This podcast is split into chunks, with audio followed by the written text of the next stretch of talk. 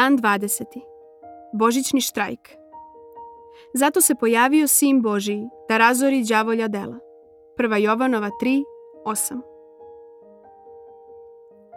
Satanina proizvodna traka isporučuje milione greha svaki dan. On ih pakuje u velike teretne avione kojima ih šalje na nebo i prostire pred Bogom smejući se grohotom bez prestanka.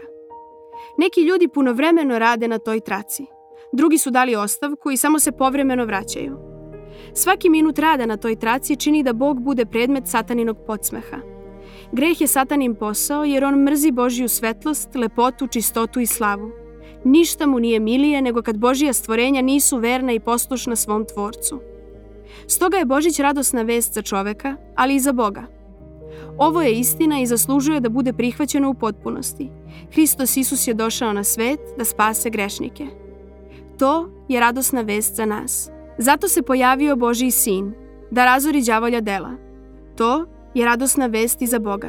Božić je radosna vest za Boga jer je Isus došao da povede štrajk u sataninoj fabrici greha. Ušao je pravo u fabriku, zatražio podršku vernih i tako je započela ogromna obostava rada. Božić je poziv da se štrajkuje u fabrici greha, bez pregovora s upravom, bez dogovaranja. Samo jednodušno, nepokolebljivo protivljenje proizvodu.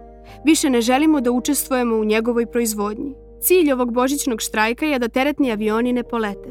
Neće biti upotrebe sile ili nasilja, nego samo nepokolebljiva predanost istini zbog koje će po život razorni uslovi đavolje industrije izaći na videlo. Božićni štrajk neće prestati dok se ne postigne potpuno zatvaranje fabrike. Kada greh bude uništen, Božije ime će biti potpuno oslobođeno svih optužbi. Više se niko neće smejati. Ako ovog Božića želite nešto da darujete Bogu, Udaljite se od proizvodne trake greha i više joj se ne vraćajte. Počnite da radite na proizvodnoj traci ljubavi. Uključite se u božićni štrajk sve dok veličanstveno Božije ime ne bude očišćeno od klevete i on ne stupi u slavi među pravednike, obasut njihovim balama.